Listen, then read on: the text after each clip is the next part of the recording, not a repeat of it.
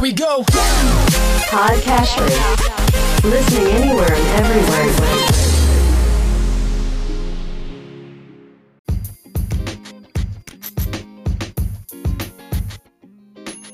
Welcome to Weekly Investment Podcast bersama saya Ferdian Syahputra dari Ispring Investment Indonesia untuk Prudential Indonesia.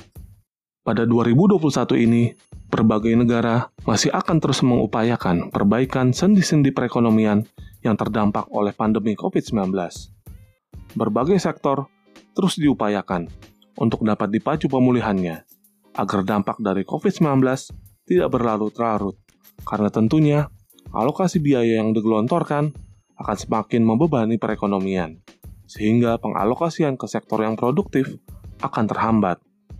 Namun, di tengah upaya perbaikan ini, terdapat beberapa risiko yang masih harus perlu dihadapi dalam tataran ekonomi global.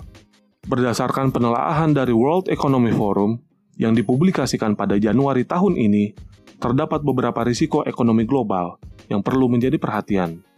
Beberapa di antaranya bukan hal baru dan telah sempat beberapa kali muncul ke permukaan, seperti risiko gelembung harga aset, kenaikan harga-harga komoditas, ketidakstabilan harga, dan peningkatan hutang secara global. Terkait gelembung harga aset, jika ditelusuri dalam satu tahun terakhir, terlihat bahwa harga aset khususnya saham sempat mengalami penurunan yang cukup curam pada Maret tahun lalu, sebelum berbalik dan mengalami kenaikan hingga beberapa waktu terakhir. Dengan harga aset yang menggelembung, maka valuasi menjadi cukup mahal dan rawan untuk mengalami koreksi di tengah kondisi ketidakpastian saat ini. Selain harga saham, harga-harga komoditas seperti harga minyak mentah, beberapa komoditas pertambangan, hingga agrikultur juga mengalami kenaikan. Kendati dalam beberapa waktu belakangan, hingga saat ini, kondisi ekonomi masih dibayang-bayangi pandemi COVID-19.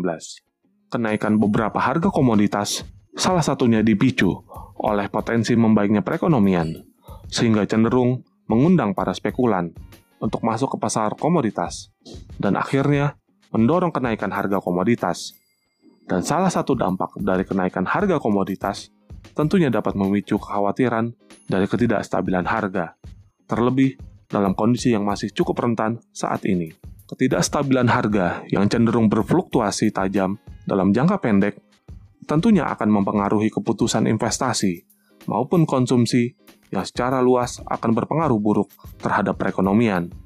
Di samping ketiga risiko yang secara pendek sudah diuraikan tadi, maka risiko lain yang perlu menjadi perhatian khusus yaitu peningkatan utang secara global yang disebabkan oleh pandemi COVID-19 yang akan diproyeksi membebani perekonomian berbagai negara dalam beberapa waktu ke depan. Dari uraian singkat mengenai risiko dari pemulihan ekonomi global saat ini, diharapkan para investor memiliki pandangan yang seimbang mengenai potensi perbaikan ekonomi saat ini dan risiko ke depannya, sehingga ekspektasi terhadap pemulihan ekonomi menjadi lebih rasional. Demikian Weekly Investment Podcast mengenai risiko dari pemulihan kondisi ekonomi saat ini. Semoga bermanfaat dan salam investasi.